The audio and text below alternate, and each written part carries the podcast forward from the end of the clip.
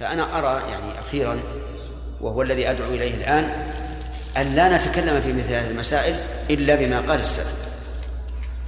لكن إذا اضطررنا لا بد أن نتكلم. فمثلا القائلين هل هل الله جسم ولا غير جسم؟ نعم. ما نتكلم. لكن نؤمن بأن الله سبحانه وتعالى بائن من خلقه وأن له وجها وأن له يدا وأن له عينا وأنه ينزل ويستوي. وأما نقول جسم أو غير جسم هذا ما ورد. لكن يجب أن نستفصل في المعنى. نقول إن أردت بالجسم الشيء المركب من أجزاء يفتقر بعضها إلى بعض وينقص بفقد بعضها مثلا. فالله تعالى بهذا المعنى إيش؟ ليس بجسم. وإن أردت بالجسم ما هو موصوف بالصفات اللائقة به؟ فهذا فهذا جسم لكن ما نطلق لفظ الجسم. وبذلك نسلم من إيرادات كثيرة سواء أورادها الشيطان على قلوبنا أو أوردها أولياء الشيطان علينا. نعم.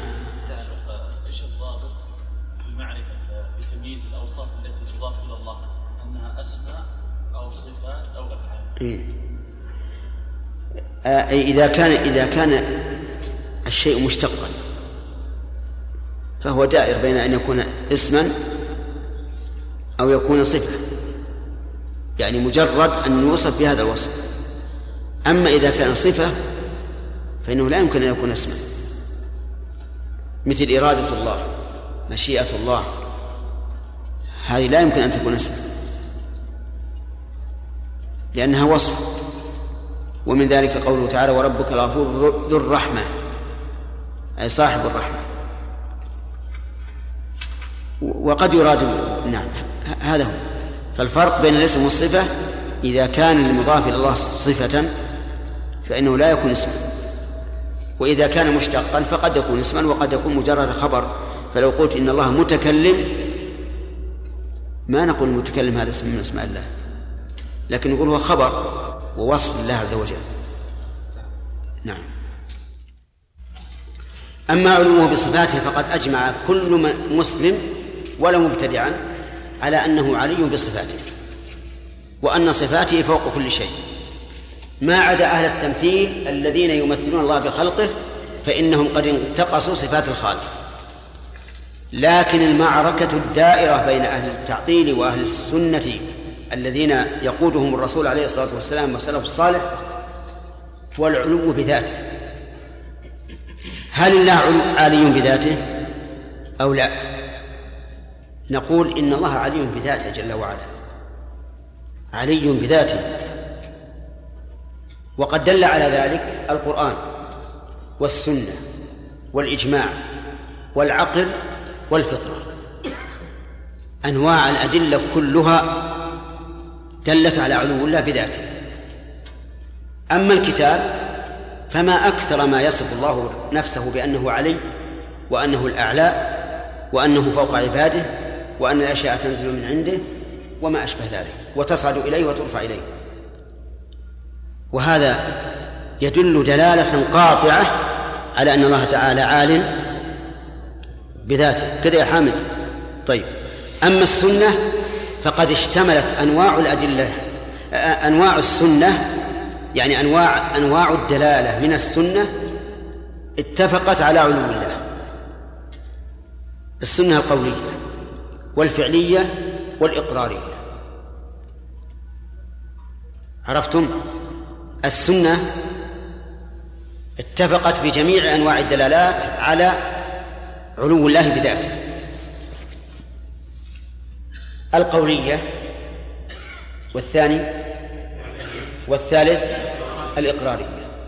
أما القولية فإن النبي صلى الله عليه وسلم كان يقول في سجوده سبحان ربي الأعلى. وجه الدلالة أنه وصف الله بأنه الأعلى حين كان الإنسان الساجد هو الأسفل. أعلى شيء في الإنسان الأخ؟ لا. أي نعم. أي الرأس الذي منه جبهة. أين يضعه الساجد؟ في الأرض. موازيا لقدميه. ففي هذه الحالة التي وضع الإنسان نفسه في أسفل شيء يتذكر الرب الأعلى الذي هو فوق كل شيء. والرسول صلى الله عليه وسلم كان يقول في سجوده سبحان ربي الأعلى أما أما الفعلية فإنه خطب الناس في يوم عرفة وقال ألا هل بلغت؟ قالوا نعم قال ألا هل بلغت؟ قالوا نعم قال ألا هل بلغت؟ قالوا نعم قال اللهم اشهد يرفع أصبعه للسماء وينكتها إلى الناس اللهم اشهد يعني عليهم فيشير إلى من؟ إلى الله وهذه دلالة فعلية سنة فعلية تدل على أن الله تعالى فوق كل شيء أما الإقرارية فإن جارية معاذ بن الحكم سألها النبي عليه الصلاة والسلام أين الله؟ قالت في السماء في السماء قال أعتقها فإنها مؤمنة فأقرها على قولها في السماء وقال أعتقها فإنها مؤمنة وهذه سنة إيش؟ إقرارية هذه دلالة الكتاب والسنة على علو الله. أما دلالة الإجماع فما أحد من السلف الصحابة والتابعين وأئمة الأمة بعدهم ما قال منهم أحد إن الله تعالى ليس في السماء أبدا.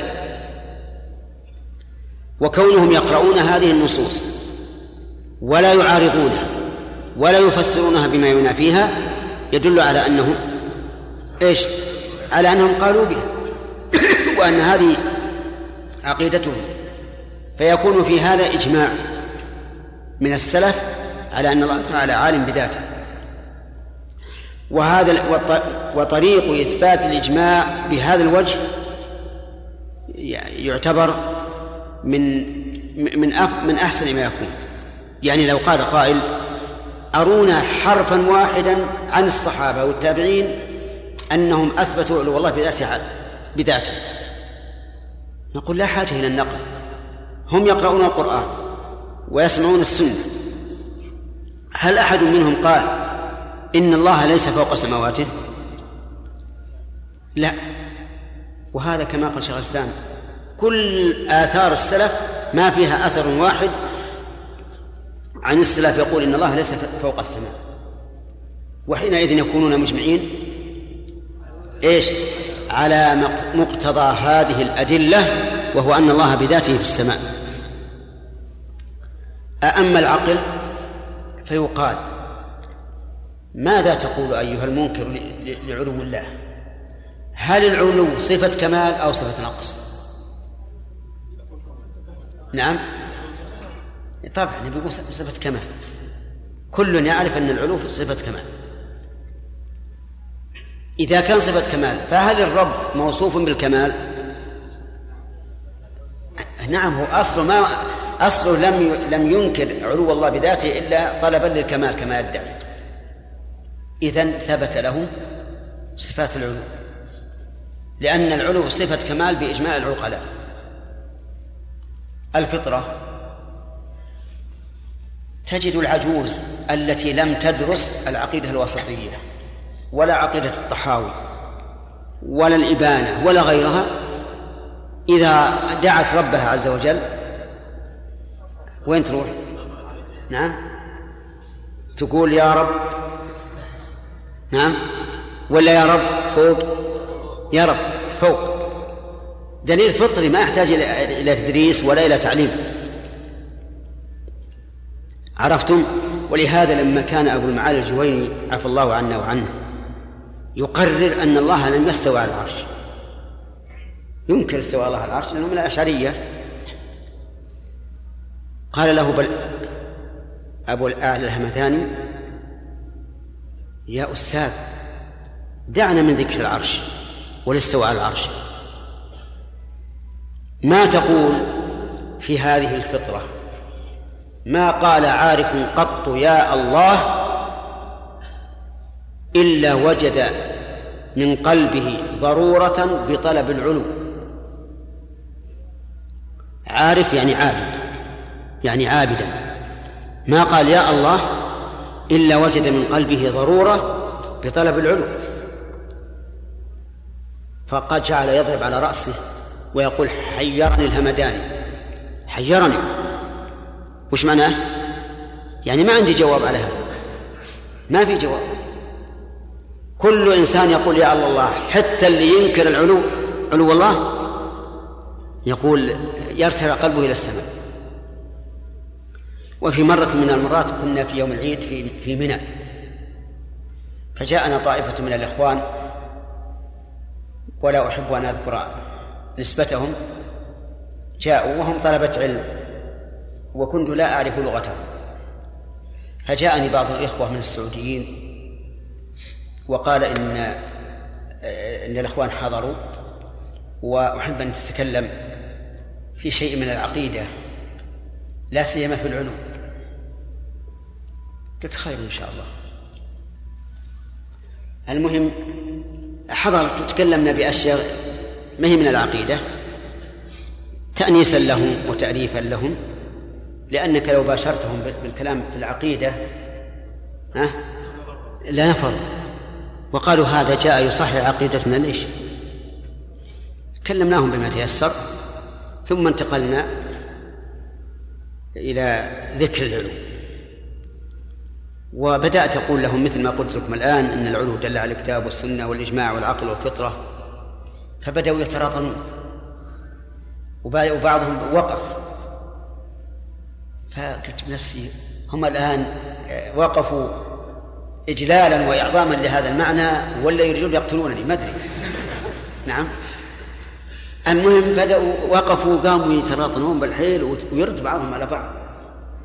يرد بعضهم على بعض. فأمسكت عن الكلام. أخشى من فتنة. هدأتهم. وقلت المقصود الوصول للحق إيش؟ سكتناهم. فقلت لهم بالأمس كنتم في عرفة. تدعون الله عز وجل. كيف ترفعون أيدي أيديكم عند الدعاء؟ قالوا نقول هكذا. طيب توجهون الخطاب لمن؟ قال لله. طيب كيف لله؟ توجهون الخطاب إلى شيء ليس الله فيه؟ قالوا لأن لأن الدعاء لأن السماء قبلة الداعي. السماء قبلة الداعي. قلت إذا كان قبلة الداعي فالداعي لا بد أن يستقبل القبلة بجميع بدنه. وعلى هذا فلا تدعوا الله إلا وأنتم على ظهوركم. مستلقين على ظهوركم حتى يكون البدن البدن كله موجه للقبلة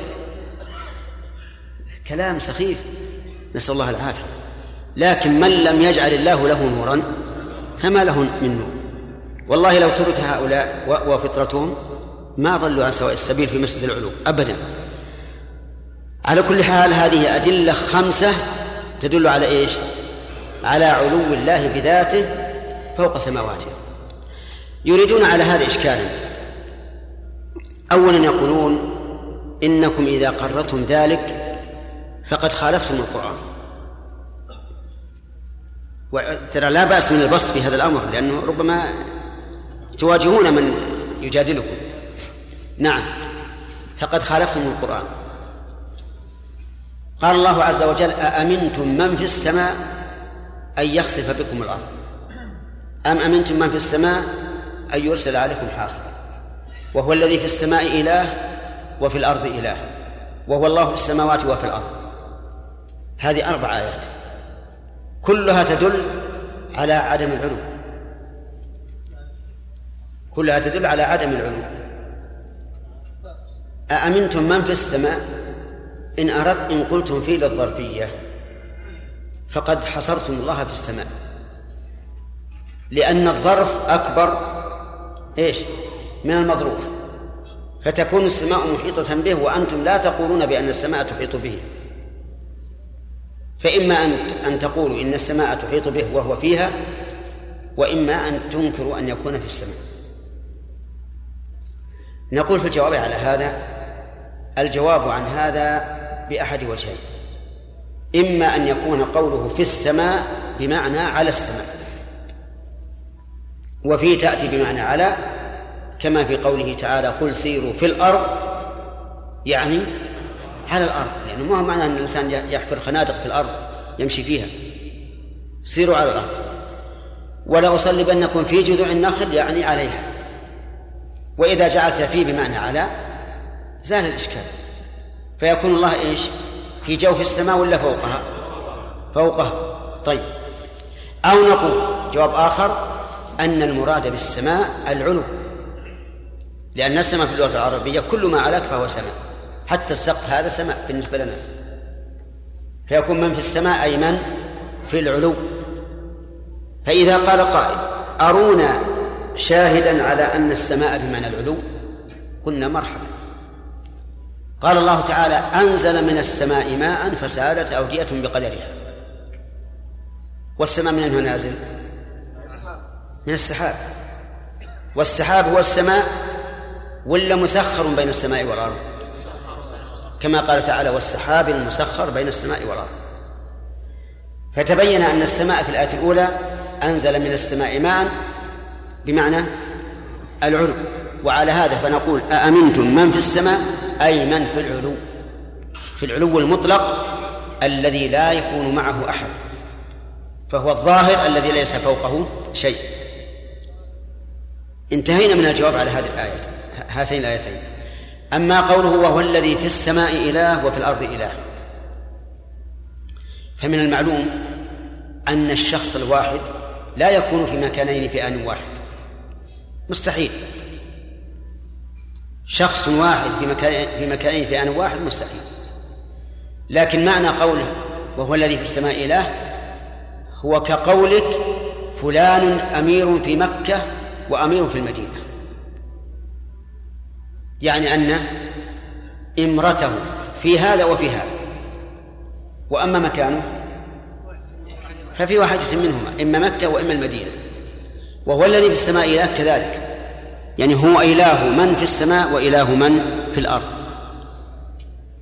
وهذا واضح. ولذلك وهو الذي في السماء إله. ما قال في السماء فقط. وفي الأرض إله ولم يقل وفي الأرض فقط.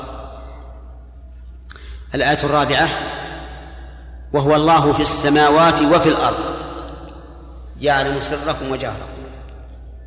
نقول الجواب فيها من وجهين إما أن نجعل الله متعلق بها في السماوات وفي الأرض فتكون كقوله وهو الذي في السماء إله وفي الأرض إله أي أنه مألوه في السماوات ومألوه في الأرض.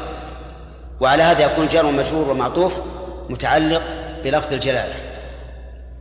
أو نقول وهو الله في السماوات ونقف ثم نستأنف ونقول وفي الأرض يعلم سركم وجهركم. ويكون قوله في الأرض متعلقا بقوله يعلم سركم وجهركم. ويكون جلال الآية وعظمتها أنه مع كونه في السماوات فإنه يعلم سركم وجهركم في الأرض فليس علوه في السماوات بمانع من علمه بسركم وجهركم في الأرض. وبهذا تتم الأدلة ويبقى العلو الذاتي ثابتا بكم دليل؟ بخمسة أدلة جنسا أو فردا. جنسا لأن دلالة القرآن والسنة لا تحصى. خالف في العلو الذاتي طائفتان. طائفة قالوا إنه في كل مكان. إنه في كل مكان بذاته والعياذ بالله. فهو في فهو في المسجد وفي السوق وفي البر وفي البحر وفي الجو وفي الأماكن المحترمة وفي الأماكن القذرة وفي كل مكان. كيف؟ هل هو يتجزأ أو هو متعدد؟ لأنه يلزم على قوله منه في كل مكان إما أن يكون متجزئا بعضه هنا وبعضه هنا ولا أو يكون متعددا أو يكون متمزقا في الواقع. إذا قلنا الآن هنا في المسجد وهناك في السوق بيننا وبين السوق جدران معناها مزقت أو تقول أنه حال في الجدار أيضا في الطين واللبن والحديد وما أشبه ذلك. لهذا القول بأنه في كل مكان مقدمة للقول بأنه حال في كل شيء. ولهذا قال ابن القيم عن هذا القول إنه أخبث من قول النصارى. النصارى خصوا الحلول بعيسى بن مريم. خصوه بعيسى بن مريم. فلم يجعلوه في كل مكان. ثم خصوه بمكان طاهر من أولي العزم. وهؤلاء قالوا إنه في كل مكان وفي كل شيء. فأيهما أخبث؟ ما أدري. أنتم الظاهر أنه الصبي إذا قلت له آخر كلمة فهو معك. تقول أحب لك الحلاوة ولا التمرة؟ قال التمرة. أحب لك التمرة ولا الحلاوة؟ قال الحلاوة. على الأخير. فالمهم الآن نقول أيما أخبث؟ حلول هؤلاء أو حلول النصارى؟ حلول هؤلاء أخبث لأنهم لم ينزهوه عن أي شيء ولم يخصوه بالطاهر طيب أقول هؤلاء القوم يقولون إن الله بذاته في كل مكان. قول آخر قالوا لا يجوز أن تصف الله بأنه في مكان إطلاقا. لا تقل في السماء ولا في الأرض. لا في السماء ولا في الأرض. وين؟ قال ولا متصل بالعالم ولا منفصل عنه. كيف؟ قال ولا مجانب ولا محايث ولا يمين ولا شمال ولا فوق ولا تحت. وين راح؟ قال لا تصف بأي وصف من هذا. فلهذا جعل الله تعالى عدما. حتى قال بعض العلماء لو قال لك قائل صف للعدم ما وجدت أشمل ولا أشد إحاطة من هذا الوصف. واضح يا جماعة؟ فالحمد لله الذي هدانا. نحن نؤمن بأن الله تعالى فوقنا معنى وذاتا. فإن قال قائل تنطعتم حينما قلتم إن الله علي بذاته بذاته. ما الذي جاء لنا بذاته؟ هذا تنطع. وقد قال النبي صلى الله عليه وسلم هلك المتنطعون. فقلنا إننا لم نتنطع ولكننا أردنا أن ندفع قول سوء. وهم الذين يقولون إن الله ليس عليا بذاته نقول بل هو علي بذاته ولولا أنهم أحوجونا إلى هذا القول ما قلناه. لاقتصرنا على قراءة القرآن والحديث ولم نزد حرفا واحدا. لكن ماذا نقول بدفع هذا هذا العدوان على الشريعة وعلى الخلق الخالق عز وجل؟ فنحن نقول بذاته ضرورة. كما قلنا استوى على العرش بعض السلف قال بذاته وبعضهم أنكر هذا. قال ليش تقول بذاته؟ فأقول أنا ما قلت بذاته تنطعا. قلت بذاته ردا لقول من يقول استوى استواء معنويا لا ذاتيا. وأن معناه الملك والقهر والاستيلاء. النزول إلى الدنيا.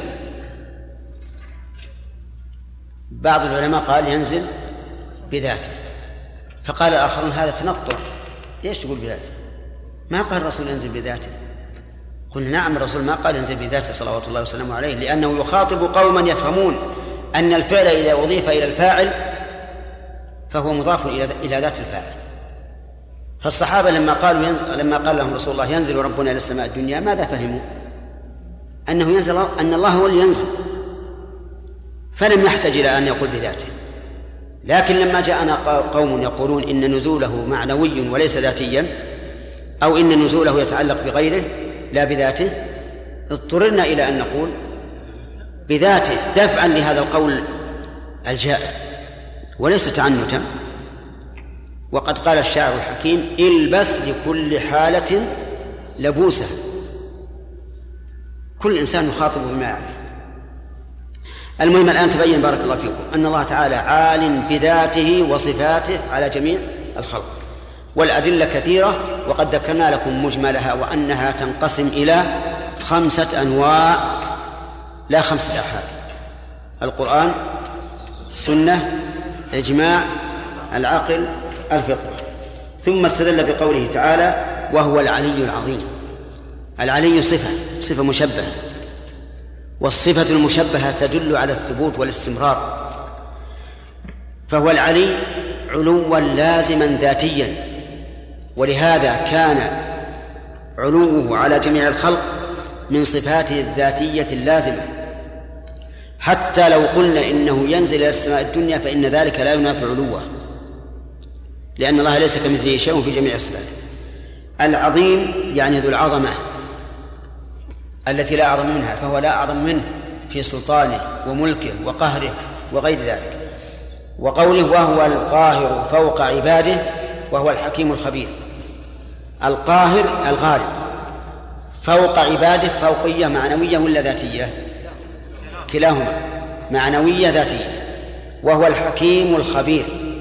الحكيم ذو الحكم والحكمة. هل شرحنا لكم هل شرحنا لكم ذلك من قبل؟ أي طيب. الحكيم ذو الحكم والحكمة. أما ذو أما قولنا ذو الحكم فمعناه أن الله له الحكم كما قال تعالى له الحكم وإليه ترجعون. وأي حكم حكم الله؟ حكم الله نوعان كوني وشرعي. مثال الكوني قول الله تبارك وتعالى عن أخي يوسف فلن أبرح الأرض حتى يأذن لي أبي أو يحكم الله لي. وهو خير الحاكمين. يحكم هنا حكم كوني أي يقدر لي ذلك. وأما الحكم الشرعي فمثاله قوله تعالى في في سورة الممتحنة ذلكم حكم الله يحكم بينكم والله عليم حكيم أي حكمه الشرعي. أليس الله بأحكم الحاكمين؟ الحاكمين شرعا أو كونا؟ كونا وشرعا. أفحكم الجاهلية يبغون ومن أحسن من الله حكما شرعا. على كل حال الحكم كوني وشرعي الحكمة تكون في في الكون في الحكم الكوني وتكون في الحكم الشرعي. ما من حكم يحكم الله به إلا وهو مطابق للحكمة تماما. سواء كان هذا الحكم كونيا أو كان شرعيا. فما هي الحكمة؟ الحكمة وضع الشيء موضعه. بحيث لا يقول العقل ليته لم لم يضعه هنا. هذه الحكمة. وضع الشيء في موضعه اللائق به بحيث لا يقول العقل ليته لم يضعه فيه. ثم اعلم أن الحكمة نوعان. نوع حكمة كون الشيء على هذا الوجه. والنوع الثاني غاية الغاية من هذا الشيء. الأول كون الشيء على هذا الوجه والثاني الغاية منه. الغاية منه. أنتم معنا؟ فكون الشيء على هذا الوجه يعني صورة الشيء. لماذا كان الآدمي قائما على قدميه ورأسه فوق؟ وكانت البهائم بالعكس. لماذا كان الليل مظلما والنهار مبصرا وهلم جرا لماذا؟ هو موافق تماما للحكمة. ثم الغاية من الغاية من ما هي الثمرة من ذلك؟ ما هي ثمرة من ذلك؟ وأضرب مثلا بالصلاة. الصلاة كونها على هذا الوجه حكمة. قيام ثم ركوع ثم خرور للسجود. هذه حكمة. ينتصب الإنسان أولا ثم يكون بين القعود والانتصاب في الركوع ثم يسجد. ولماذا كانت تقطع على وتر؟ لأن الله تعالى وتر. ما الغاية من هذه الصلاة؟ تكفير الخطايا. إذن فالحكمة لها متعلقان. المتعلق الأول كون الشيء على هذا الوجه والثاني الغاية منه. انظر إلى المطر. المطر الآن يروي الأرض. يروي الأرض. فكونه يأتي من فوق وكونه يأتي رذاذا هذا حكمة لا شك. لو كان يأتي على الأرض ماشيا لم يستفد أعلى الجبال منه. أليس كذلك؟ ولو كان يصب صبا كأفواه القرب لتهدم البناء وتضرر الناس. لكنه جاء رذاذا ومن فوق من أجل أن يشمل إيش؟ كل الأرض. وجاء رذاذا لئلا يضر. ثم ما الغاية من إنزال المطر؟ الغاية عظيمة ما هو الإنبات فقط الشرب. أفرأيتم الماء الذي تشربون؟ أأنتم أنزلتموه من المزن أم نحن منزلون؟ نبات الأرض والشرب وزوال الغبرة إلى غير ذلك من الفوائد الكبيرة. فصار الآن الحكيم مشتق من من الحكم والحكمة. والحكم إما كوني وإما شرعي. والحكمة إما في الغاية وإما في الصورة. في الغاية الثمرات. في الصورة كون الشيء على هذا الوجه. هذا هو معنى الحكيم. وقوله تعالى الخبير يعني يعني العليم. لكن الخبير أخص من العليم لكونه لكونها تتعلق ببواطن الأمور وخفاياها. فهي أخص من العلم. والله أعلم. نعم. تقسيمنا الحكمة إلى غائية وصورية. نعم. شيخ يعني ما ما يكفي مثلا لنا أن نقول حكمة وندخل يعني الصورة والغاية فيها واحد. لا. يعني قد لأن لأن الثمرات قد تحصل بغير هذه الصورة. لكن كون الله جعل هذه الثمرة المعينة لهذه الصورة المعينة هذه حكمة. الشيخ يعني هل يلتمس لنا دليل؟ يعني الواقع. الواقع.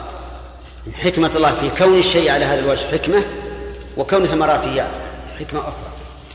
يعني الفائدة في التقسيم هذا.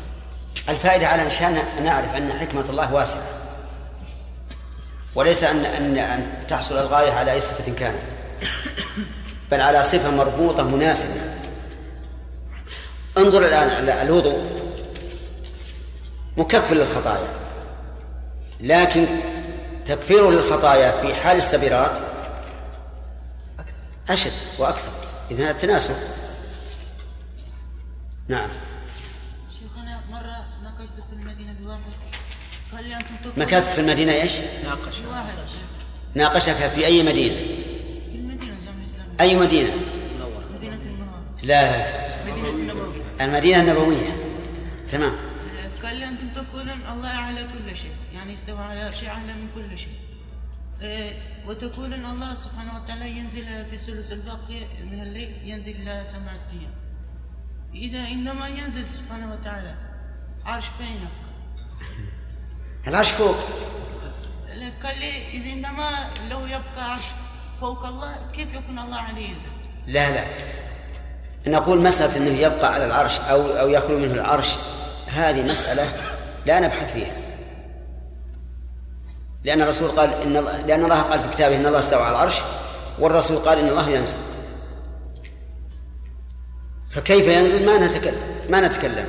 هل يخلو منه العرش أو لا يخلو؟ ما نتكلم. عرفت؟ مع أن الصحيح أن العرش لا يخلو منه وهو نازل.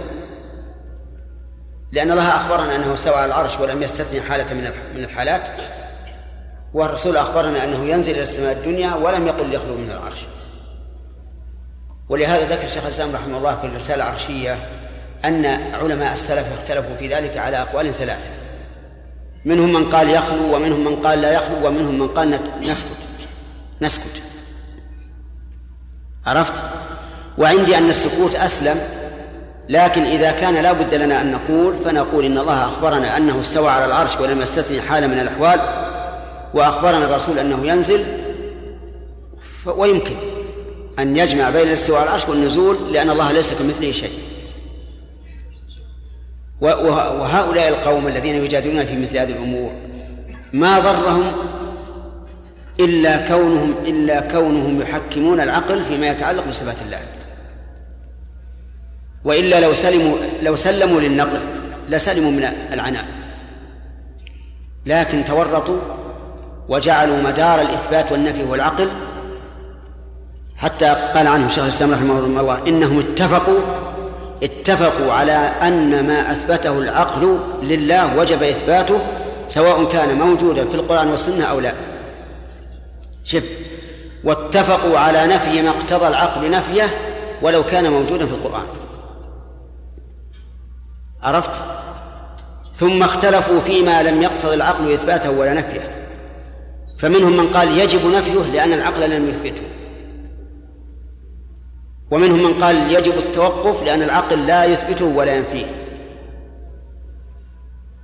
فصار صار الآن مدار إثبات الصفات عندهم هو العقل. ما أثبته العقل وجب. يلا عبد القادر. وجد أن يثبته وإن لم يوجد في القرآن والسنة. وما نفاه العقل وجب. إيش؟ ما نفاه العقل وجب إيش؟ ولو وجد في الكتاب والسنة. وما لم يقتضي العقل إثباته ولا نفيه فأكثرهم نفاه. وقال لا يجب أن ننفيه لأن العقل لم يثبت. ومنهم من؟ توقف. وقال ليس لنا أن نثبته لأن العقل لم يثبت. وليس لنا أن ننفيه لأن العقل لم ينفيه هذا هذه هي الطريقة طريقة المتكلمين من معتزلة وأشعرية وغيرهم. عرفت؟ طيب. أيوب شيخ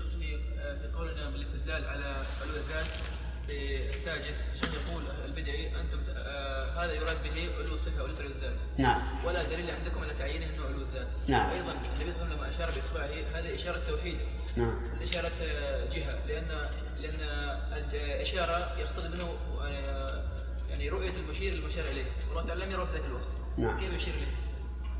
أما الأول فنقول من قال لكم من المراد علو الصفة من قال؟ سبحان ربي الأعلى مطلق. ويناسب نزول الإنسان الحسي العلو الحسي لا شك. هذا المناسب وأما إشارة التوحيد فأين التوحيد؟ هل قال لا إله إلا الله حتى يوحد؟ ما بدا ولا قال. قال اللهم اشهد. وأما كون المشار إليه لا يشار إليه إلا إذا رؤي فهذا غير صحيح.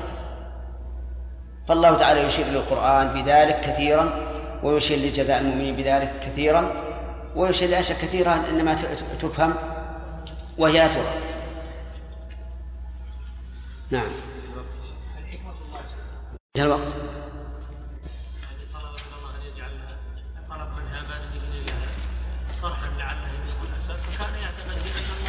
لا يا اخ عبد الله يا أخي. آه، هذا تهكم لي- ليموه على قومه. ولهذا قال فأطلع إلى إله موسى وإني لأظنه كاذبا تمويه يعني مثل ما نقول نتنزل مع الخصم. إيه. لكن مع ذلك فرعون مقر بالله عز وجل. قال له موسى إني لقد علمت ما أنزل هؤلاء إلا رب السماوات والأرض بصائر. وإني لاظنك يا فرعون مثبورا. وش قال؟ في مقام المناظرة. لو كان عنده رد لرد عليه. وفي المناظرات الأخرى التي في الشعراء وهي أطول آخر ما قال لئن اتخذت الها غيري لأجعلنك من المسجونين. ما فيه إلا التوعد والارهاب ما عنده دليل. انتهى الوقت يقول الحجاج ما سألت نعم؟ ما سألت إيش؟ معنى في ظله أي في الظل الذي يخلقه الله عز وجل. مثل ناقة الله يتعين هذا المعنى.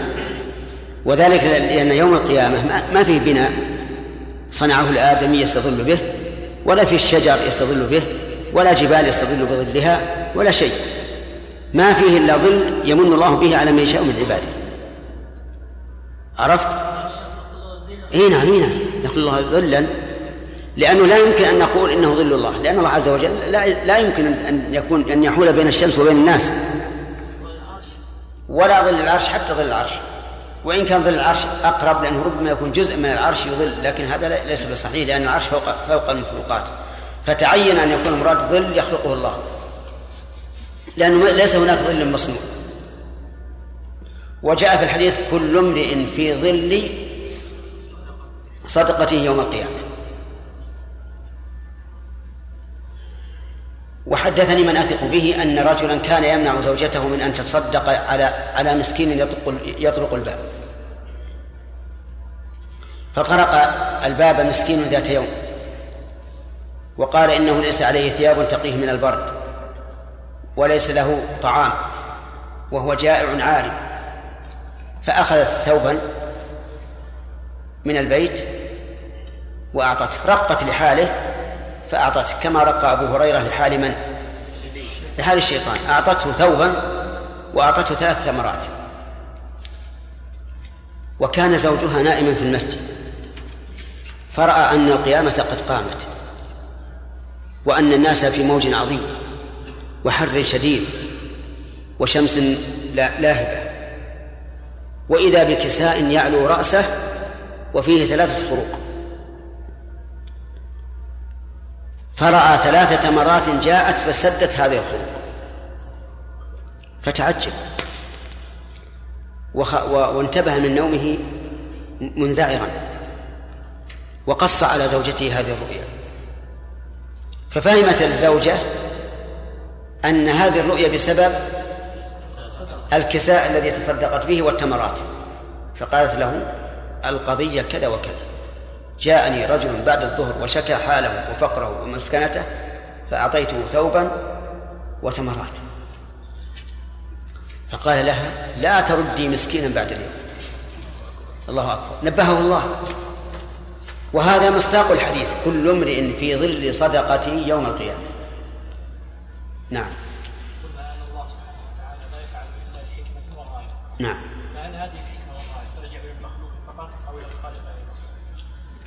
ترجع إلى المخلوق والخالق أما رجوعها للمخلوق فلكونها من مصلحته وأما رجوعها للخالق فلبيان كمال صفته وأنه سبحانه وتعالى لا يعمل لا يفعل شيئا عبثا. كما قال تعالى وما خلقنا السماوات والأرض وما بينهما لاعبين. وفي آية أخرى وما بينهما إلا بالحق. وفي آية ثالثة وما خلقنا السماء والأرض وما, وما بينهما باطلا. فالحكمة تعود للخالق وللمخلوق. نعم. الدليل العقلي قلنا أن العلو أول ما نناقشه نقول لهم أن العلو إما صفة كمال أو نقص نعم العقل يقول بأن صفة كمال. نعم. لكن هم يقولون لو قلت العلو هو صفة نقص لله عز وجل. ما يصير لأن يقولون أنكم وضعتموه في جهة واحدة. لا أبدا. إحنا نقول هو في جهة ومحيط من كل الجهات. لأن السماوات السبع والأراضين السبع في كفه جل وعلا كخردلة في كف أحدنا والعلو العلو المطلق. فضل ما في شيء يساويه ولا يحاذيه. فضل ما في شيء. والفضل كما قال الشيخ الإسلام هو حقيقة. الفضل عدم. ما في شيء موجود إلا الله عز وجل. نعم. إذا قال قائل أن الله عز وجل هو بعد أن اقر أنه كان ينكر العلم بعد أن بعد أن قال هو في السماء لكن في كل مكان في السماء. إيه. أصله ليس في السماء في نفس السماوات هذه السبع. أبدا هو فوقها. ولهذا قد قلنا لكم قبل قليل إن في السماء بمعنى على السماء أو في السماء في العلو. العلو الذي ما بالسماوات الأجرام. معلوم ما يجوز أن نعتقد أن الله تحيط به السماء. بل وهو على العرش لا يجوز أن نعتقد بأنه مفتقر للعرش بحيث لو زال العرش لسقط كما لو زال الكرسي من تحت الإنسان لسقط. نعم. شيخ صلى الله عليك رددنا على السالمية الذين يقولون بأن الله في السماوات بذاته وفي الأرض بذاته. نعم. وعلى الأشعرية الذين يقولون بأن الله حال في كل مكان بأن الله إما أن يكون متعددا أو أن يكون متجزئا إذا يعني قلنا بقول فلماذا لا نقول أيضا بهذا القول أو بهذا اللازم في كونه على العرش بذاته وينزل في السماء الدنيا بذاته؟ نعم. هو لولا أن الرسول قال ينزل ما قلنا. لكن هل قال الرسول يوم من الأيام إن الله بذاته في كل مكان؟ لو قال كنا الله على كل شيء قدير ولا ننكر. مقتضى الايه مثل الأرض إيش؟ نعم. يقولون إن الله كل الأرض أيضا بذاته. ما يصير. لأن الله ليس هذا قيد إله وهو الذي في السماء إله فألوهيته في السماء ما أطلق أيضا ما أنا ما كنا ما يلزم أن يكون مخالطا لنا. كما يقال في في وتأتي المعية إن شاء الله لكن لا لا بأس ما دام قلتها كما يقال القمر معنا وهو في السماء. هذا التعبير سائر في اللغة العربية. نعم. قول النبي صلى الله عليه وسلم في ظل عرشه نعم. أولا هذه اللفظة في ثبوتها نظر. هذه. في ذي نظر. ما ثبتت عن الرسول عليه الصلاة والسلام. خلاص. يعلم أحوالهم ويسمع أقوالهم ويرى أفعالهم ويبدل أمورهم. يرزق الفقير ويجبر الكثير. يؤتي الملك من يشاء وينزع الملك ممن يشاء. ويعز من يشاء ويذل من يشاء. بيده الخير وهو على كل شيء قدير. ومن كان هذا شأنه كان مع خلقه حقيقة. وإن كان فوقهم على عرشه حقيقة. ليس كمثله شيء وهو السميع البصير. بسم الله الرحمن الرحيم. لما ذكر المؤلف آيات العلو العام. ذكر العلو الخاص. ذكر العلو الخاص. العلو العام من الصفات الذاتية التي لم يزل الله ولا يزال متصفا بها. العلو الخاص هو الاستواء على العرش. هذا العلو الخاص. الاستواء على العرش. دليله قوله ونؤمن بأنه خلق السماوات والأرض في ستة أيام ثم استوى على العرش يدبر الأمر. خلق السماوات والأرض في ستة أيام. أولها الأحد وآخرها أتم الجمعة. وهي هذه الأيام المعروفة. فإن قال قائل كيف تكون هذه الأيام المعروفة؟ وهذه الأيام المعروفة مترتبة على الشمس. وحين خلق السماوات والأرض ليس هناك شمس. قلنا إنه بالتقدير. لأن الله خلق الأرض في يومين سابقين على خلق السماوات. وهذان اليومان ليس فيهما شمس. فيقال إن هذا بالتقدير.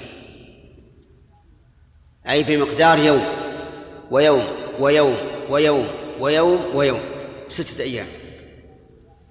ثم استوى على العرش. ثم أي بعد خلق السماوات والأرض استوى على العرش. فهل هو قبل ذلك مستوى على العرش أو لا؟ إن قلنا لا أخطأنا وإن قلنا نعم أخطأنا. لأن الله أخبرنا أنه استوى بعد خلق السماوات والأرض على العرش وسكت عما قبل ذلك. فالواجب علينا السكوت الواجب علينا السكوت. إذا قيل هل الله استوى على العرش هل الله هل الله كان مستويا على العرش قبل خلق السماوات والأرض؟ فالجواب الله أعلم. لكن بعد خلقها استوى. أما قبل خلقها فالله أعلم. وقوله استوى على العرش أي على عليه. واعلم أن استوى تأتي في اللغة العربية على أوجه. الوجه الأول مطلقة والثاني مقيدة بعلى والثالثة مقيدة بإلى والرابعة مقرونة بالواو. هذه على أربعة أوجه. الأول إيش؟ مطلقة. والثاني مقيدة بعلى. والثالث مقيدة بإلى. والرابعة مقرونة بالواو. الرابع مقرونة بالواو. فإذا جاءت مطلقة صار معناها الكمال. ومنها قوله تعالى ولما بلغ أشده واستوى أي كمل في خلقته وعقله. والمقيدة بعلى تكون بمعنى العلو. ومنه قوله تعالى فإذا استويت أنت ومن معك على الفلك أي علوت. وقوله تعالى لتستووا على ظهوره ثم تذكروا نعمة ربكم إذا استويتم عليه أي علوتم عليه. والثالث المقيد بإيش؟ بإيش؟ الثالث بإلى فتكون بمعنى القصد. ومنه قوله تعالى ثم استوى إلى السماء وهي دخان على أحد القولين. والرابع أن تكون مقرونة بالواو فتكون بمعنى التساوي. كقولهم استوى الماء والخشبة والخشبة. استوى الماء والخشبة. هذه ذكرها النحويون في في في التمثيل لواو المعية. معنى استوى الماء والخشبة معناه تساوى الماء والخشبة. والخشبة هي تكون في على البئر. فهذه أربعة أوجه ترد عليها استواء ولم ترد استواء مقترنة بعلى بمعنى غير العلو. لكن ورد عن السلف أن بعضهم عبر بقوله استوى على العرش ارتفع وارتفع بمعنى على. وبعضهم قال استوى على العرش صعد عليه وصعد بمعنى صعد على الشيء يعني على عليه. فهذه ثلاث كلمات بمعنى واحد. وبعضهم قال استوى على كذا استقر. لتستوى على ظهوره ثم تذكروا نعمة ربكم إذا استويتم عليه أي استقررتم. فهذه أربعة ألفاظ كلها وردت عن السلف في تفسير قوله تعالى استوى على العرش. وقد ذكر ابن القيم رحمه الله في النونية وقال إنها وردت عن السلف لكن المعنى الواضح الظاهر أنها بمعنى على والاستقرار شيء آخر شيء زائد على العلو فلو أن اقتصرنا على أنها بمعنى على لكان جيدا وإن قلنا على واستقر فلا مانع إن شاء الله. طيب استوى العرش يقول واستواؤه على العرش علوه عليه بذاته علوا خاصا يليق بجلاله وعظمته لا يعلم كيفيته إلا هو. شوف علو؟ علو خاص.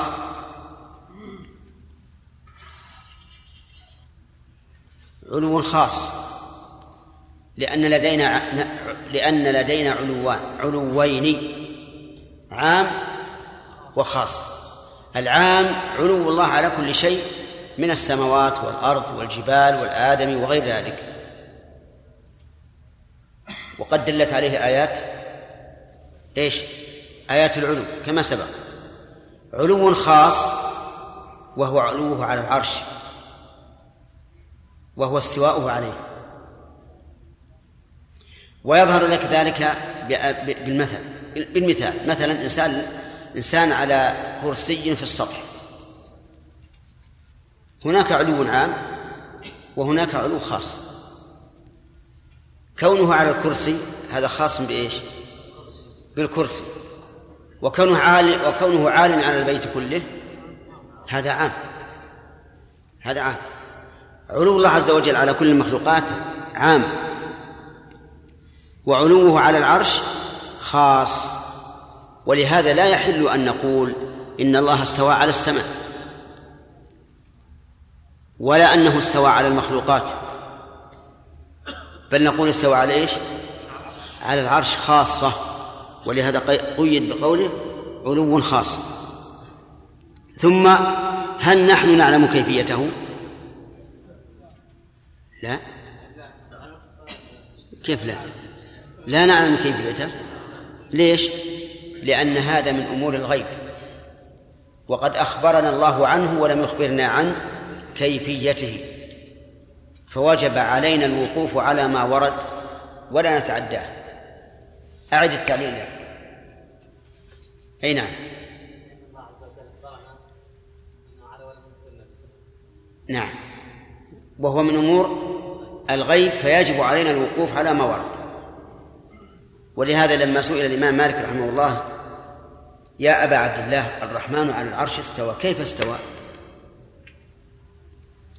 ماذا حصل لمالك؟ الرواية تقول إنه أطرق برأسه حياء وخجلا وقام يتصبب عرقا من شدة ما ورد على قلبه.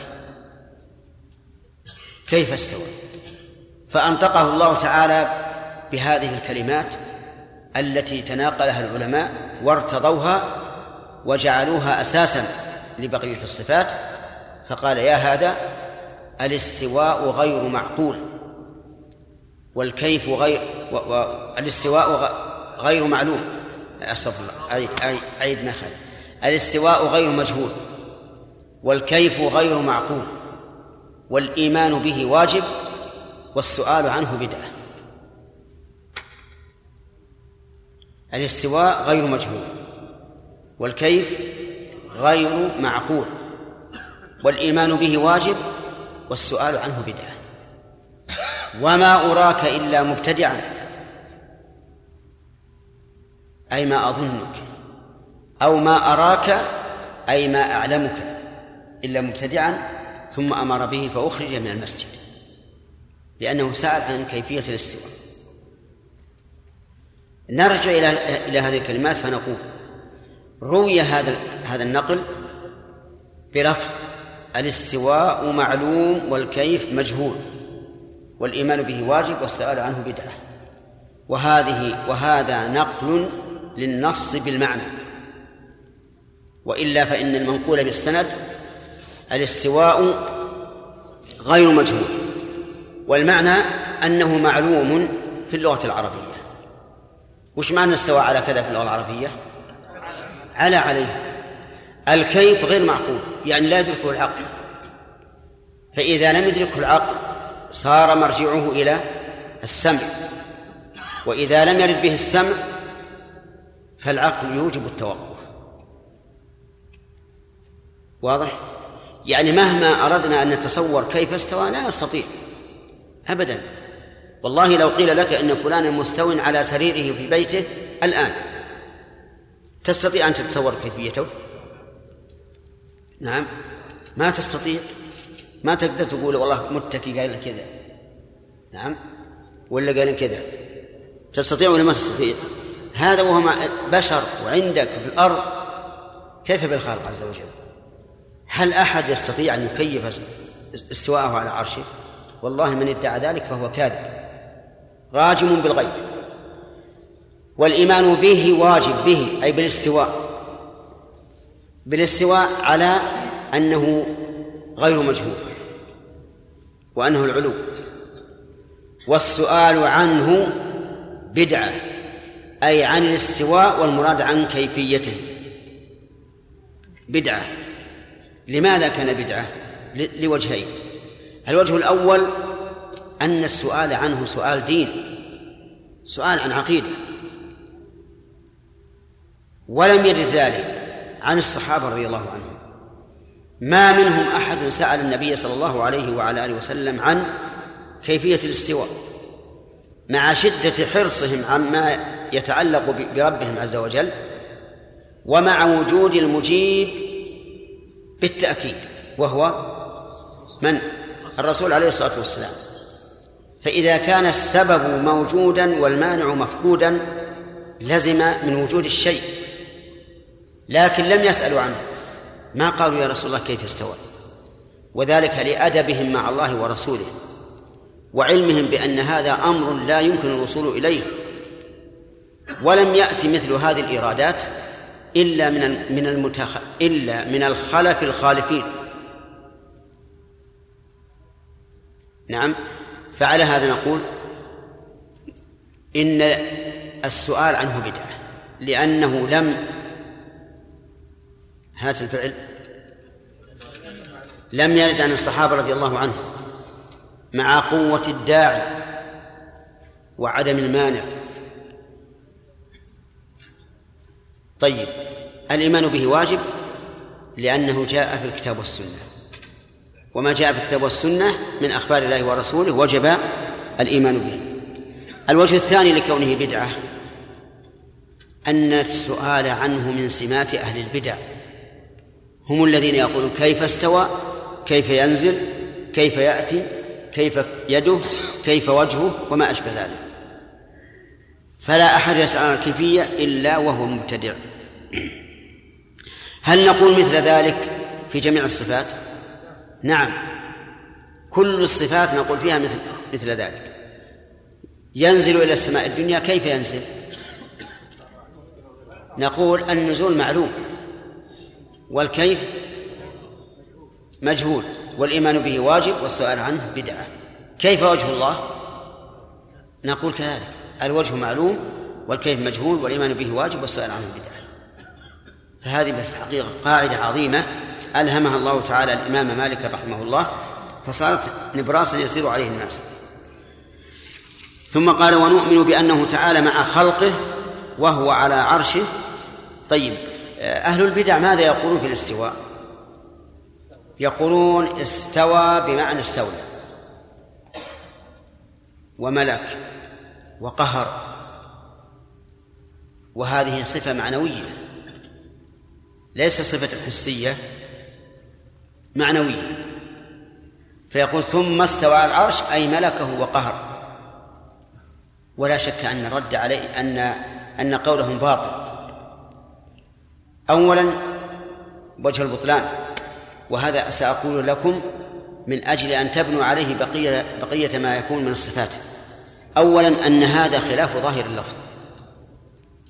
خلاف ظاهر اللفظ. وما كان خلاف الظاهر فإنه لا يجوز الرجوع إليه إلا بدليل لا سيما في الأمور التي التي آه، تطلب من من النقل. انتبهوا. خلاف ظاهر اللفظ. وما كان خلاف ظاهر اللفظ؟ إيش؟ فإنه لا يجوز العدول إليه. لا ما كان ظاهر اللفظ. فإنه لا يجوز العدول عنه. نعم إلا بدليل. إلا بدليل. فما خالف اللفظ ظاهر اللفظ فإنه لا يجوز العدول إليه.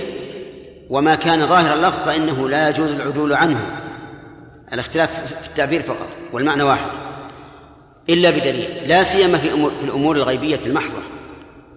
الأمور العقلية ربما يصرف الإنسان اللفظ عن ظاهره لدلالة عقلية لكن الأمور السمعية التي لا تدرك إلا بالسمع هذه لا يجوز مخالفة ظاهرها إطلاقا. الوجه الثاني أنه خلاف إجماع السلف. ما من أحد من السلف قال استوى على العرش أي ملكه أو قهر إطلاقا.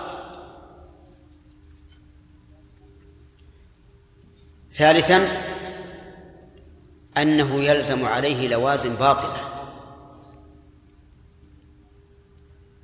اللزوم الباطل الأول أن يكون العرش ملكا لغير الله ثم ملكه بالمغالبة. وجه هذا اللازم أنه قال ثم استوى على العرش ثم تفيد الترتيب. وأن هذا الاستيلاء لم يكن إلا بعد خلق السماوات والأرض. ومن المعلوم أن العرش مملوك لله قبل ها؟ قبل خلق السماوات والأرض.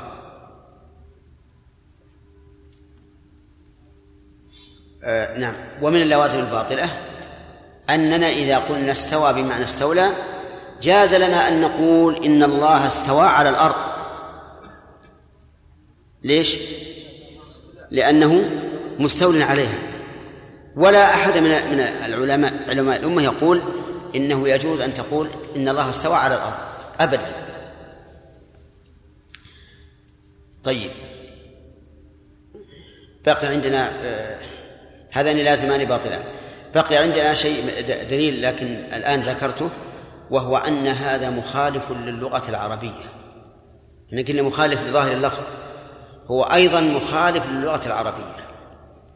فلم تأت استوى في اللغة العربية بمعنى استولى أبدا. ارجع للقواميس كلها. تجد أن استوى لم تكن بمعنى استولى. هكذا نقول. لكن قد زعم بعضهم أن استوى بمعنى استولى جاءت في اللغة العربية.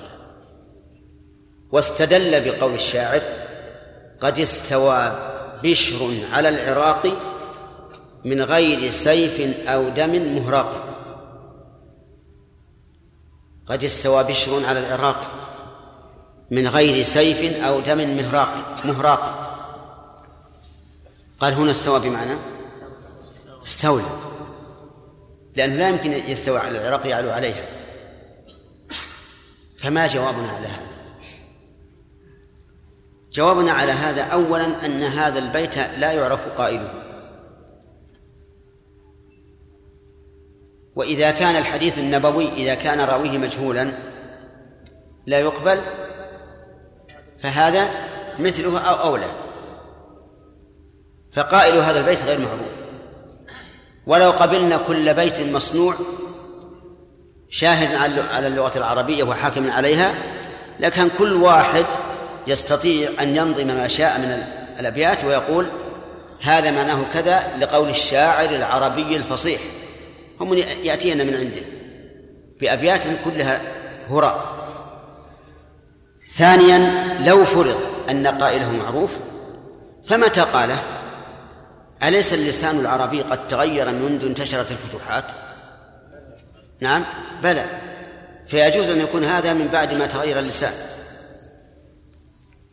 ثالثا على فرض أن قائله معروف وأنه قبل أن يتغير اللسان. فإننا نقول استوى هنا بمعنى على علوا معنويا. على علوا معنويا لأنه صارت الكلمة العليا فيه في هذا العراق له. صارت له الكلمة العليا فيه. فالاستواء هنا بمعنى إيش؟ العلو علوا معنويا. فإن سلم الأمر فهذا واضح وإن لم يسلم وقال لا تأتي استوى بمعنى العلو المعنوي. قلنا إن استوى هنا بمعنى استولى بدليل لوجود المانع من العلو الحسي فيحمل على على الاستيلاء. وبهذا عرف أنه لا دليل لمن فسر استواء الله على عرشه بأنه استيلاؤه عليه. انتبهوا يا أخواني. انتبهوا وهذه المسائل مسائل دحر ومزلة. يجب على الإنسان أن يسلك ما سلكه السلف فيها وهو الأخذ بإيش؟ بالظاهر ظاهر اللفظ. مع العلم أن هذا الظاهر لا يمكن أن يحمل على مماثلة الله للخلق. لقوله تعالى ليس كمثله شيء. ولا يمكن أن يكيف لقوله تعالى ولا تقف ما ليس لك به علم. فخذوا بظاهر النصوص. واحذروا التمثيل وإيش؟ والتكييف. خذوا بالظاهر هذا معناه لا لا لا تحريف لكن احذروا التمثيل واحذروا التكييف. أما التمثيل فلقوله تعالى ليس كمثله شيء ولقوله فلا تضربوا لله الأمثال ولقوله فلا تجعلوا لله أندادا والآيات في هذا كثيرة. وأما وأما التكليف فلقوله تعالى قل إنما حرم ربي الفواحش إلى قوله وأن تقولوا على الله ما لا تعلمون ولقوله تعالى ولا تقف ما ليس لك به علم. ابنوا عقيدتكم على هذا. وخذوا بالظاهر. كل شيء. خذوا بالظاهر. فإذا قال قائل أليس الله تعالى قد قال عبدي جعت فلم تطعمني. عبدي مرضت فلم تعودني.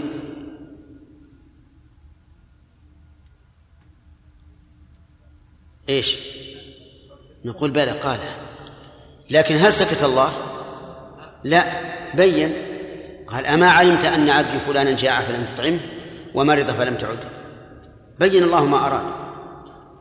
فإذا أراد الله خلاف الظاهر لا بد أن يبينه الله أو رسوله. فإذا لم يبينه الله ولا رسوله علم أن الظاهر مقصود. وفقنا الله وإياكم لما في لما يحب. نعم.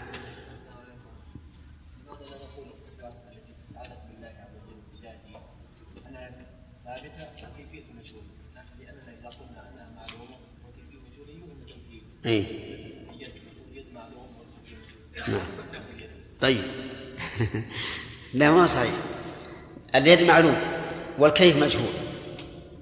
يقول الأخ عبيد الله إذا قلنا اليد معلوم معناه مثل هاليد. هل هذا صحيح؟ ابدا. لو قلنا إن للجمل يدا نقول مثل هاليد؟ ما نقول. للهر يد مثل هاليد. وللأسد يد؟ فلا يلزم من إثبات حقيقة التمثيل أبدا إطلاقا. وهذا هو الذي أوجب التمثيل والتعطيل. شوف يعني الآن إثبات الحقيقة أوجب لبعض الناس التحريف والتعطيل ولبعض الناس التمثيل. الممثلة قالوا لا لا نعقل يدا حقيقية إلا مثل يد المخلوق. وأهل التحريف قالوا إذا كنا لا نعقل إلا مثل يد المخلوق لزم من إثباتها التمثيل والتمثيل ممنوع. إذن يجب أن ننفي اليد الحقيقية. ما في أشكال. وش نقول؟ ثابتة؟ الاستواء ثابت. إيه، وش وش معناه وش معناه ما يخلي يقول الاستواء ثابت. طيب وش نقول؟ ما قل العبارة الاستواء معلوم. طيب. والفرق؟ لا ما لا فرق. لا فرق. الاستواء فعله واليد يده. وليش ما الصور؟ أنا الآن شفنا الآن على على هذا السرير. لا ابدا لا لا فرق. لأنك لو أردت أن تجعل اليد يدا معنوية خرجت عن الظاهر. بلى. لابد تقول اليد معلومة على أن على أن نظيرها بالنسبة لنا أبعاد. ولهذا صفات الله عز وجل منها صفات معاني ومنها صفات نظيرها بالنسبة لنا أبعاض مثل الوجه والعين واليد والقدم. لكننا لا نقول إنها بالنسبة لله أبعاض لأن البعض في اللغة هو ما يمكن وجود الأصل دونه وما ينقص الأصل بفقده. فلهذا يتحاشى العلماء أن يقولوا إنها أبعاض. لكن نظيرها بالنسبة لنا أبعاض. ولهذا تسمى الصفات الخبرية ولا يقال الصفات المعنوية لأنها مقصورة على الخبر. نعم. أنت بالنسبة لقولك العلو علو الله عز وجل لا يجوز أن يقال على عن السماء نعم. إذا كان لا ما نقول ما ما نقول ما قلنا هذا. إحنا قلنا هذا يا جماعة. إيش الكلام هذا؟ تقول علي ما لم أقل وأنا حاضر في المكان؟ إذا كان استوى لا نقول استوى على السماء. إذا كان استوى بمعنى على ما الفرق؟ لا إحنا قلنا علوا خاصا. اقرأ بارك الله فيك. ثم طهر لسانك من قولك للمعلم قولك كذا وكذا. لأن هذا يعني عدم عدم موافقتك على على ما أقول. وإن كنت موافق لكن هذا التعبير بالنسبة للطالب سيء. قل قولنا مثلا كذا وكذا.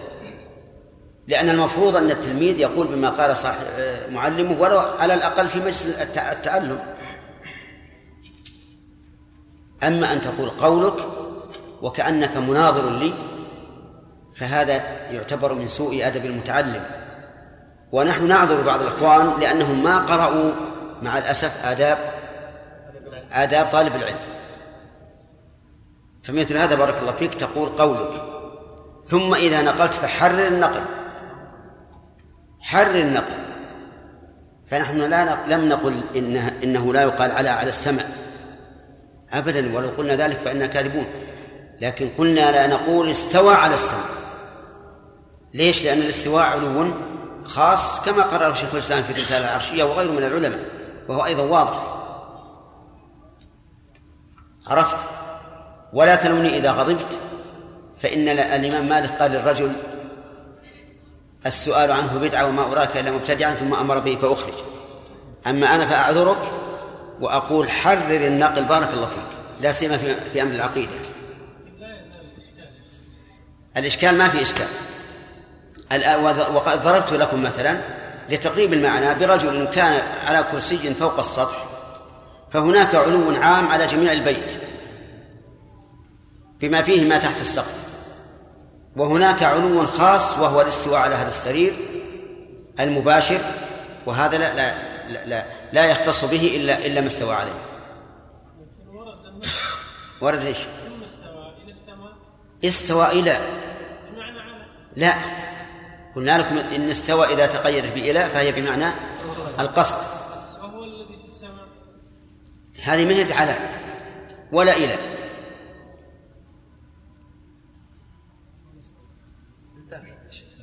واضح؟ المهم إن استوى على كذا هذا خاص به. لا يتناول غيره. لكن إذا كان العرش فوق المخلوقات كلها لزم من استواء الله على العرش أن يكون عاليا لا مستويا عاليا على جميع المخلوقات. طيب إذا كان عاليا على جميع المخلوقات وقد قلنا أنه قبل استوى على العرش لا نقول استوى عليه ولا نقول غير مستوى عليه. نعم لكنه عال عليه. لأن العلو من الصفات الذاتية ما يمكن ينفك الله عنه أبدا. من الصفات الفعلية. لا ما يخالف يا أخي هذه عقيدة لازم نصحح عقيدة إخواننا. لابد اتضح الآن. تقريبا تقريبا جوابك لكن تصور تصور تصور بارك الله استوى على العرش الاستواء على العرش علو خاص. أنا لا أستطيع أن أقول استوى عليه أي علوا مباشرا. لأني أتحاشى من كلمة مباشر. لكن بالنسبة لي أنا على هذا السرير مباشر هذا علو مباشر. لكن علوي على الأرض الآن مباشر ولا غير مباشر؟ غير مباشر. هذا يعني يقرب لك هذا الشيء. ولا حرج أن نقرب المثال للمعاني لا للمماثلة كما قال الرسول عليه الصلاة والسلام إنكم سترون, سترون ربكم كما ترون القمر. فالمهم بارك الله فيك استوى على الشيء على عليه علوا خاصا وبالنسبة لي ولك نقول مباشر. لكن بالنسبة لله ما نقول مباشر ولا غير مباشر. ولهذا غلط ابن الجوزي آه، في قوله إن الله خلق آدم بيده وما مسه. قال ما لك حق تقول ما مسه؟ كذلك إذا قلت استوى على العرش وما مسه ما لك حق. أو استوى عليه ومسه ما لك حق. الله أعلم. شيخ ما مدى صحة قول بعضهم أن الحكمة في خلق الله عز وجل؟ ست سماوات من السماوات والأرض في ستة أيام. أن أن يعلم العباد المؤمنين التدرج في الأحكام. نعم. هذا هذا ربما يكون هذه من الحكمة. يعني الإنسان قد يستنبط الحكمة بما يظهر. لأن الله قادر على أن يخلق بلحظة بكلمة واحدة. لكن قال العلماء إن الله تعالى علم عباده التأني والإحكام وأن الإحكام أهم من العجلة. وقال الطباعيون أيضا إن هذه المخلوقات آه، لها أسباب تنشأ كما ينشأ الحمل في الب- في البطن. هذه الأسباب تفاعلت وتفاعلت حتى تكونت سماء وأرضا. وهذه مدة تحتاج إلى طول. ولهذا يفسرون الأيام ما هي أيامنا هذه؟ الطبائعيون يقول أيام طويلة إما خمسين ألف سنة ولا غيره لأنهم يرون أن هذا التدرج بناء على التفاعل وترتب المسببات على أسبابها. أما نحن فنقول إن الله لو شاء لخلقها بلحظة كما أن الج- الجنين في البطن لو شاء الله خلقه بلحظة وخرج بلحظة لكن الله قدره حسب النمو وتدافع الأسباب.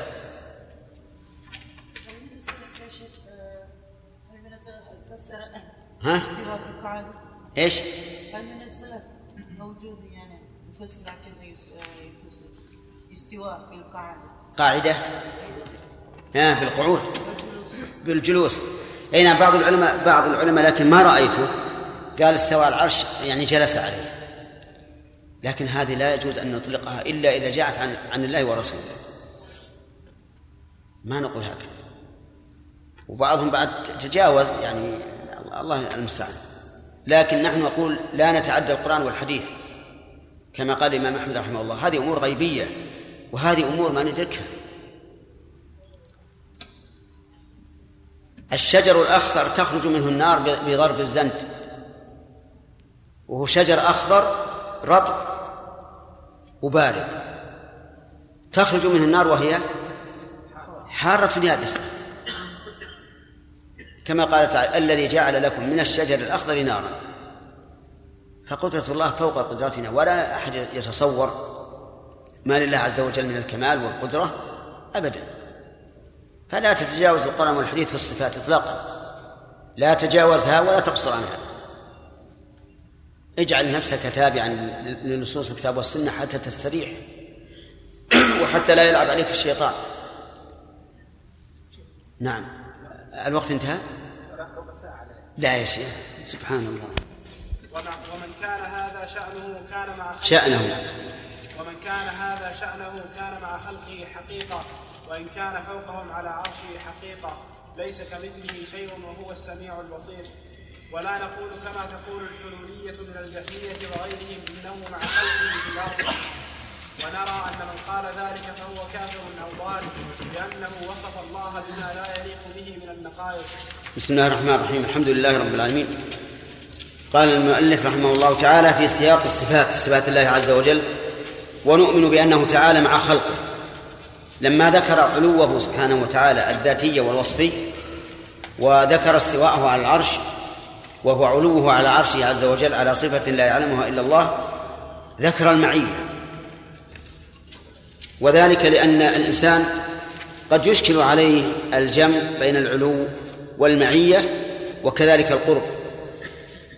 فقال ونؤمن بأنه تعالى مع خلقه وهو على عرشه هو مع خلقه وهو الجملة هذه حالية وهو على عرشه فما معنى ذلك؟ المعية في اللغة العربية كلمة تقتضي المصاحبة. تقتضي المصاحبة. مع كذا أي مصاحب له. وهذه المصاحبة تختلف باختلاف مواردها. وبحسب القرائن والسياق. فتفسر في كل موضع بحسبه. فمثلا إذا قلت خلطت الماء مع اللبن فهذا هذه معية امتزاج. يمتزج أحدهما في الآخر ويختلط حتى لا يتميز واحد عن ثاني.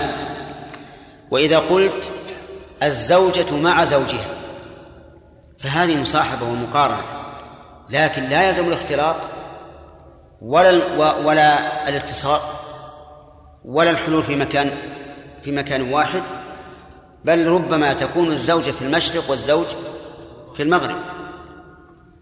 ويقال القائد مع الجند مع أنه في غرفة في غرفة العمليات يوجه والجند في ميدان القتال. فبينهم مسافة ومع هذا يقال معه. أبلغ من ذلك أن العرب يقولون ما زلنا نسير والقمر معنا. ما زلنا نسير والقمر معنا. أين نسير؟ في الأرض والقمر في السماء. ومع ذلك يقولون إنه معنا. فتبين الآن أن المعية لا تستلزم الاختلاط ولا الحلول في مكان وإنما تفسر بحسب ما, ما يقتضيه السياق والقرائن. فنحن نؤمن بأن الله معنا بأن الله نفسه معنا حقيقة. لكن أين هو؟ على عرشه في السماء. ولا يلزم من إيماننا بأنه معنا حقيقة لا يلزم أن يكون مشاركا لنا في المكان أبدا. وإذا كانت المعية بين المخلوقات لا تقتضي المشاركة في المكان فالمعية بين الخالق والمخلوق من باب أولى من باب أولى. فنؤمن بأن الله معنا. والدليل على ذلك قوله تعالى هو الذي خلق السماوات والأرض في ستة أيام ثم استوى على العرش يعلم ما يجري في الأرض وما يخرج منها وما ينزل من السماء وما يعرج فيها وهو معكم أينما كنتم. خذ هذه الضمائر كلها وانظر إلى من تعود. هو الذي خلق السماوات والأرض في ستة أيام. من؟ الله نفسه ولا غيره؟ الله نفسه. ثم استوى على العرش. الله نفسه. يعلم ما يلج في الأرض. يعلم. الله نفسه. وما, وما يخرج منها وما ينزل من السماء وما يعرج فيها وهو معكم. من؟ الله. أينما كنتم؟ والله بما تعملون بصير. إذن كل الضمائر تعود إلى الله. كلها تعود إلى الله عز وجل. وإذا عرفنا أن المعية لا لا تستلزم الاختلاط والامتزاج ولا تستلزم الحلول في المكان علمنا أن معية الله لخلقه معية حقيقية. ولا تحتاج إلى إلى أن تفسر بشيء آخر. هي معية حقيقية لكنه لا يلزم منها أن يكون الله معنا في المكان كما قال في الجهمية. بل هو معنا وهو على عرشه. وقد عرفتم قبل قليل أن العرب من أسلوبها أن تقول القمر معنا وهو في السماء. ولا يعدون هذا تناقضا ولا يعدونه خروجا عن مقتضى المعنى الذي تفيده المعية. فلا حاجة إلى أن آه نعم لا حاجة إلى أن تحرر كما قال ابن القيم ابن تيمية رحمه الله في العقيدة الوسطية قال إنه معنى حق على حقيقته لا يحتاج إلى تحريف. ومراد الشيخ بالتحريف إخراج الكلام عن ظاهره. ولا دليل على على وجوب إخراجه عن ظاهره بل نقول يجب أن يصان عن المعنى الباطل الذي لا يدل عليه. ما هو المعنى الباطل الذي لا يدل عليه؟ أنه مخالط لنا في المكان أو ممتزج أو ممتزج بنا. هذا مستحيل. وإذا آمنت بهذا فإنه يقوى خوفك من الله عز وجل. إذا آمنت بأن الله معك يعلمك ويشاهدك و ولا يخفى عليه شيء من أحوالك حينئذ يتم لك مراقبة الله عز وجل. لأنك لو كنت في حجرة مظلمة ليس عندك أحد تقول الله عز وجل معي وهو على عرش فتخشاه وتخافه ولا تفعل شيئا يغضبه. ولنستمر في في شرحها فنقول هو مع خلقه وهو وهو على عرشه. مع خلقه حقيقة أو مجازا. وهو على عرشه حقيقة. ولا تناقض. لأن هذا جائز في حق المخلوق. ففي حق الخالق من باب أولى. ولأنه على فرض أنه لا يجوز في حق المخلوق أن يكون الشيء عاليا شاهقا للعلو وهو معك فإنه جائز في حق الله لأن الله تعالى لا يقاس في خلقه. يعلم أحوالهم هذه من مقتضيات المعية ومستلزماتها. يعلم أحوالهم ويسمع أقوالهم ويرى أفعالهم ويدبر أمورهم. يرزق الفقير ويجبر الكثير. يؤتي الملك من يشاء وينزع الملك ممن يشاء ويعز من يشاء ويذل من يشاء بيده الخير وهو على كل شيء قدير. ثم قال ومن كان هذا شأنه كان مع خلقه حقيقة وكان وإن كان فوقهم على عرشه حقيقة. ولا مانع. وليس في هذا أي, أي تناقض ولا أي وصف لا يليق بالله. الذي لا يليق بالله أن نفهم من المعية الاختلاط. والحلول في المكان كما قاله الجهمية.